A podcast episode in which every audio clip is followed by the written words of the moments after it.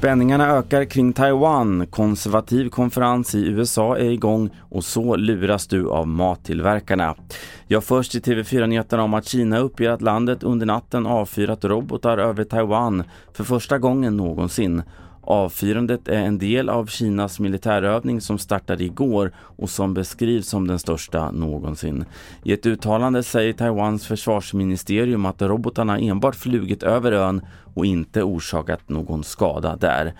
Och I förmiddags kom också beskedet att Kina inför sanktioner mot den amerikanska talmannen Nancy Pelosi och hennes närmsta familj. Det uppger Kinas utrikesdepartement enligt Reuters.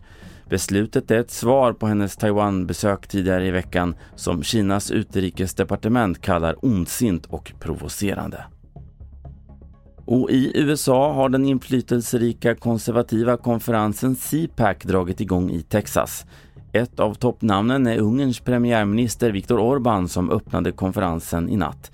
Men annars ligger fortfarande mycket fokus på om den förre presidenten Donald Trump ska ställa upp i nästa presidentval. Det berättar vår USA-korrespondent Thomas Kvarnkullen. Ja, han har haft eh, starkt stöd bland republikanska väljare ända sedan valförlusten för eh, snart eh, två år sedan och han ses fortfarande som den mest självklara kandidaten eh, inom eh, partiet. Och avslutningsvis, samtidigt som matpriserna nu stiger till rekordnivåer så varnas för att matproducenter även minskar innehållet istället för att bara sänka priserna. Den så kallade krympflationen kommer bli allt vanligare, det säger Ulf Masur, VD på sajten Matpriskollen. När konsumenten får mindre pengar eller måste hålla i plånboken hårdare, då kommer man fundera på, måste jag ha så här stort?